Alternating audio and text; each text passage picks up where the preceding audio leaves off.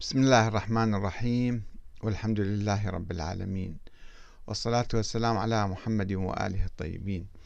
ثم السلام عليكم أيها الأخوة الكرام ورحمة الله وبركاته.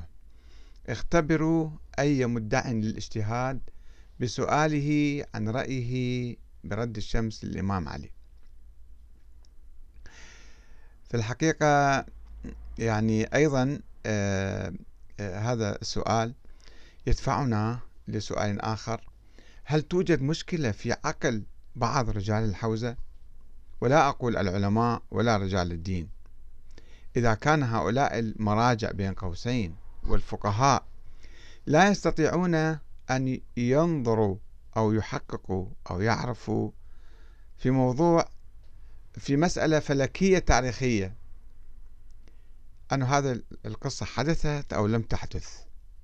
قصة تاريخية. وفلكية يعني يمكن واحد يرجع للفلك ويدرس القضية. والفلك دقيق جدا يعني قيد أنملة ما في تغيير. إذا كانوا عاجزين لا يستطيعون أن يجتهدوا في هذه القضية ويعتمدون على قال فلان وقال فلان والرواية الفلانية وهذا عند الشيعة وهذا عند السنة وما شابه. فكيف يمكن أن يدعوا الفقه والعلم والاجتهاد في المسائل الأخرى اللي هي نظرية؟ هاي مسألة واضحة وبديهية ويعني معروفة في كل العالم وهو يجي يؤمن بخلافها يؤمن بقضية معاكسة. أم أنهم يعرفون كل شيء ولكنهم ينشرون الخرافات والأساطير التي تخدر السدج والبسطاء والعوام حتى يحلبوهم أكثر وأكثر. وفي الحقيقة أنا أستغرب من نشر مكتب السيد السيستاني في القرن الواحد والعشرين لكتاب للسيد جعفر مرتضى العاملي رحمة الله عليه توفى العام الماضي. أنه عنده كتاب حول هالموضوع وما أدري عشرات السنين راح باحث فيه محقق على أساس ومتوصل إلى مو مرة ومرتين الشمس ردت الإمام علي إلى ستين مرة يمكن ردت الإمام علي.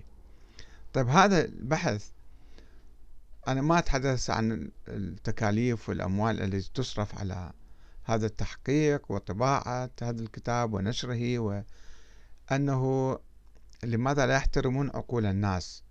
وهل يوجد يعني واحد يعني يتبنى هذا الشيء ويدعي الاجتهاد؟ هذه مشكلة حقيقة. أه بعض الأخوة قالوا يعني أه مثلا الأخ حسين حسين الحسيني يقول قد أجزم أنها خرافة. إذا كنت أبغض علي عليه السلام لكن أقول علمها عند الله لأني سمعت ولم أرها بعيني. لكن ما يجهله بعض المعلقين وأنت أيها الكاتب أن النبي هو من دعا الله بردها. فهل يعجز عن ردها؟ من شق البحر لموسى أو جعل النار بردا؟ وسلاما لإبراهيم. في الحقيقة يعني هذا قياس باطل أيضا. أولا النبي محمد صلى الله عليه وسلم في آيات كثيرة بالقرآن المشركون يطالبونه بالمجيء بمعجزة بآية تثبت نبوته. وهو يقول خلاص بعد ما في معاجز لأنه سابقا الأنبياء جابوا معاجز واتهموهم بالسحر وأنا بعد ما راح أجيب معاجز ولا آيات. معجزتي الوحيدة هي القرآن الكريم. ثم أنت من قال لك من قال لك بأن النبي قد دعا؟ هاي هي الرواية أسطورة تقول ذلك. ف يعني أنت مو قصة النبي الله صعب على على الله تعالى أن يستجيب للنبي إذا دعا. لا هو لا النبي دعا ولا رد لا ولا ولا ردت الشمس. وهذه الرواية الموجودة والمسجد الموجود في الحلة هذه رواية إسرائيلية عن نبي دانيال ما أدري النبي منه اللي كان في ذيك الأيام في بابل.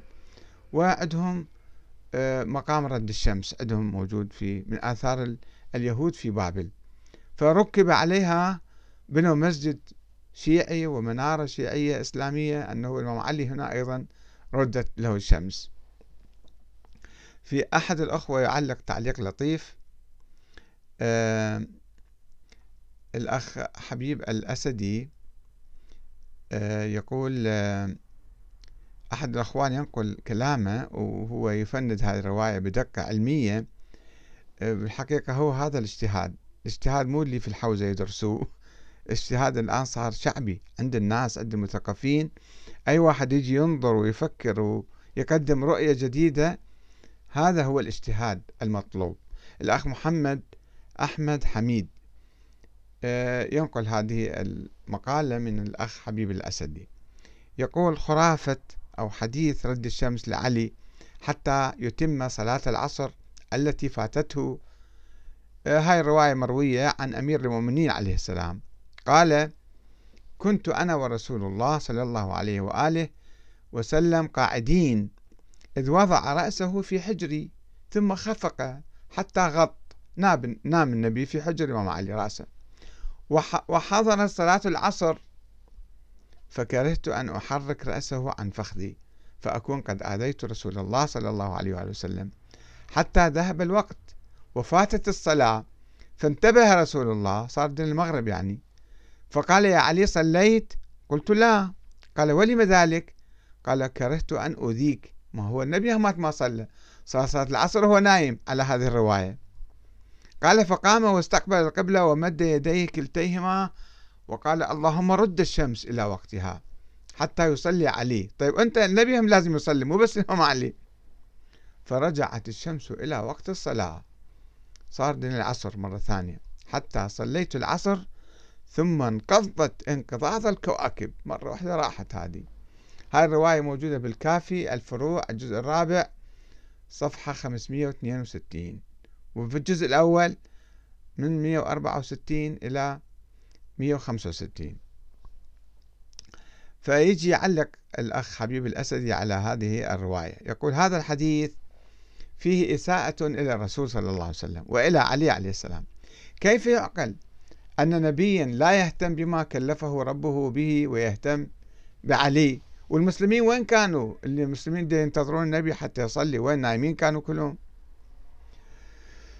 ويهتم بعلي أن تفوته الصلاة. كيف علي يخاف أن يوقظ الرسول فيؤذيه بينما لا يخاف أن تفوته الصلاة فيؤذي ربه؟ أيعقل هذا بعلي أن يؤذي ربه ولا يؤذي رسول ربه؟ اثنين الرسول لا يلوم عليا أن قد آذى ربه بتفويته الصلاة فيما كان واجبا على علي أن يوقظ النبي للصلاة حتى لو كان النبي نائما أو لا يقوى على القيام مثلا فهذا نداء الله فلا بد من تلبيته والسعي له. ثلاثة الرسول يهتم بعلي ولا يهتم بنفسه. يخاف أن تفوت عليا الصلاة ولا يخاف أن تفوته هو. كيف يعقل أن نبيا لا يهتم بما كلفه ربه به؟ أربعة النبي يدعو ربه أن ترجع الشمس كي يصلي علي ما فاته ولا يدعو لنفسه وهو أوجب أن يفعلها وهو النبي المكلف. خمسة.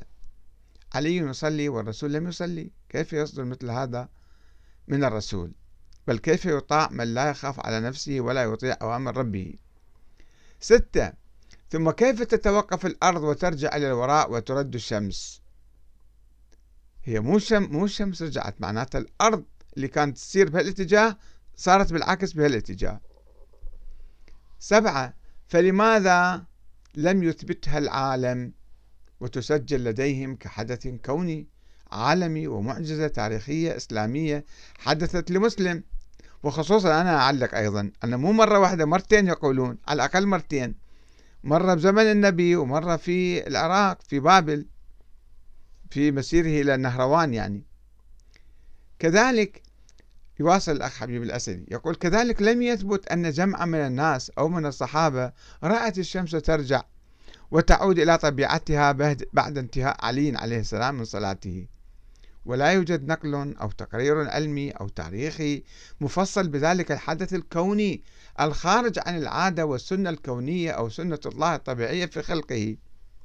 هاي نقطة مهمة جدا أنه حدث مثل هذا مو عصاية تصير حية مثلا أو مثلا فد معجزة بسيطة لا حدث كل العالم مفروض يشوفه ويهتز له. ثمانية. وماذا سوف يحدث لو أن الأرض توقفت فجأة عن الدوران؟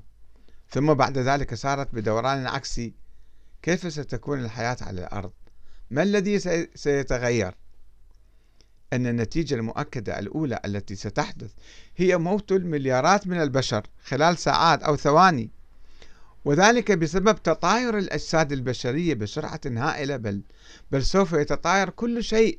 بما فيها البيوت والبنايات الضخمة والبحار والمحيطات والجبال وتحدث أعاصير وتحدث قوة هائلة يمكن أن تضرب الكواكب بعضها ببعض من أقصاها إلى أقصاه. وسيتسبب بإلقاء جميع الأشياء آه، على السطح. أن مثل هذا الحدث الكوني يعني نهاية العالم نتيجة للتغيير أو التغير المفاجئ في سرعة الأرض وتغيير مسارها بالجهة المعاكسة وبالتالي خلو الكرة الأرضية من الجاذبية لأن الأرض أثناء دورانها حول محورها في حالة توازن فإذا حدث التغير فجأة فكل شيء سوف يتغير. مثلا نحن ندور مع الأرض بسرعة تصل قيمتها 108 آلاف كيلومتر بالساعة الواحدة ومثبتين على الأرض بفعل قوة الجاذبية. ولا نشعر بهذه السرعة العالية بسبب العزم مثل السيارة المتحركة بسرعة عالية على الخط السريع. فإننا لا نحس بتلك السرعة إلا عندما تتوقف السيارة فجأة أو عند ضغط الفرامل. تخيل وأنت تسير بسرعة بالسيارة, بسيارة سرعتها تزيد عن 200 كيلو مثلا بالساعة. وهناك عدة أشخاص بداخلها. وفجأة ضغطت على الفرامل. ماذا سوف يحدث لك وللسيارة وللذي بداخلها؟ أكيد الجميع سوف يطير في جو السماء بما فيها السيارة. فما بالك لو كانت السيارة تسير بسرعة الأرض 108 آلاف كيلومتر بالساعة؟ فماذا سوف يحدث؟ هذا ما يريده البعض منا بالضبط ويطالبون به الناس. وإلا كانوا كفر لا حرمة إذا ما يؤمنون يعني صاروا كفار لا حرمة لوجودهم ولا احترام لعقولهم. ولا داعي لحشر موضوع قدرة الله في هذه الدعاوى أن الله قادر على كل شيء. هذا لم يحدث في التاريخ وإلا أمسى دين الله مسرحا للأباطيل والخرافات لكل من هب ودب. هكذا يفعل كل من ترك كتاب الله تعالى ومنهجه الواضح المبين فأعرض عن صريح آياته وقواطع دلائله وبيناته ليتيه في تلك الأودية المهلكة المظلمة لا يبالي به الله في أي واد هلك. في الحقيقة لماذا يأتون بهذه الأسطورة؟ لكي يثبتوا إمامة الإمام علي وتميزه عن باقي الصحابة ومثلا وأحقيته بالخلافة. الإمام علي بشخصه بكلامه هو معجزة. بنموذجه العادل الذي قدمه خلال فترة حكمه.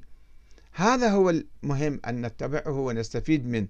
أما الشمس ردت له أو, أو لم ترد هذا إساءة بالحقيقة. الكلام هذا إساءة للإمام علي وإساءة للعقل الإنساني للعقل الإسلامي للعقل الشيعي. المشركون يطالبون النبي بأن يأتي لهم بمعجزة بكتاب ينزل من السماء وما يستجيب لهم. فكيف يرد الشمس للإمام علي وهي قضية واحد فاتت الصلاة مثلا نايم كان نفترض يقوم يصلي. وكان بإمكان علي إمام علي افترض لو كان النبي في حجري لو فرضنا ذلك. أن يصلي بإمائه أو يوقظ النبي للصلاة وتنتهي المشكلة ما نحتاج إلى هالخرافات والأساطير. ولكن عقل بعض الناس مكون من الخرافات والأساطير والعتب مو عليهم. مو عتب على عامة الناس العتب على المرجعية الآن والحوزة ومكتب السيد السيستاني. أن ما يبحثون الأمور بصورة علمية اجتهادية. وهم عاجزون هذا دليل نشرهم هذا الكتاب ونشرهم هذه الكتب. دليل على أنه مستوى العقلي في الحقيقة في الحوزة جدا منخفض. مو المستوى العلمي مستوى العقلي منخفض. ما تقدر تشوف تبحث تشوف المسألة كيف تتحقق من عندها. منهجك للتحقيق أصرفت أنت سنوات من البحث. منهجك هذا خاطئ. منهج غير علمي ليوصلك إلى هذه النتيجة لكي تقر هذه الأسطورة. وإلا بإمكان أي إنسان أن يأخذ أي أسطورة ويجيب لها أدلة وبراهين وقصص وقال فلان وقال فلتان وتصبح حقيقة لا يمكن ذلك. علينا أن أن نجتهد بأنفسنا ولا نقلد أحدا ولا نتبع من يدعي العلم والاجتهاد وينشر الخرافات والأساطير. والسلام عليكم ورحمة الله وبركاته.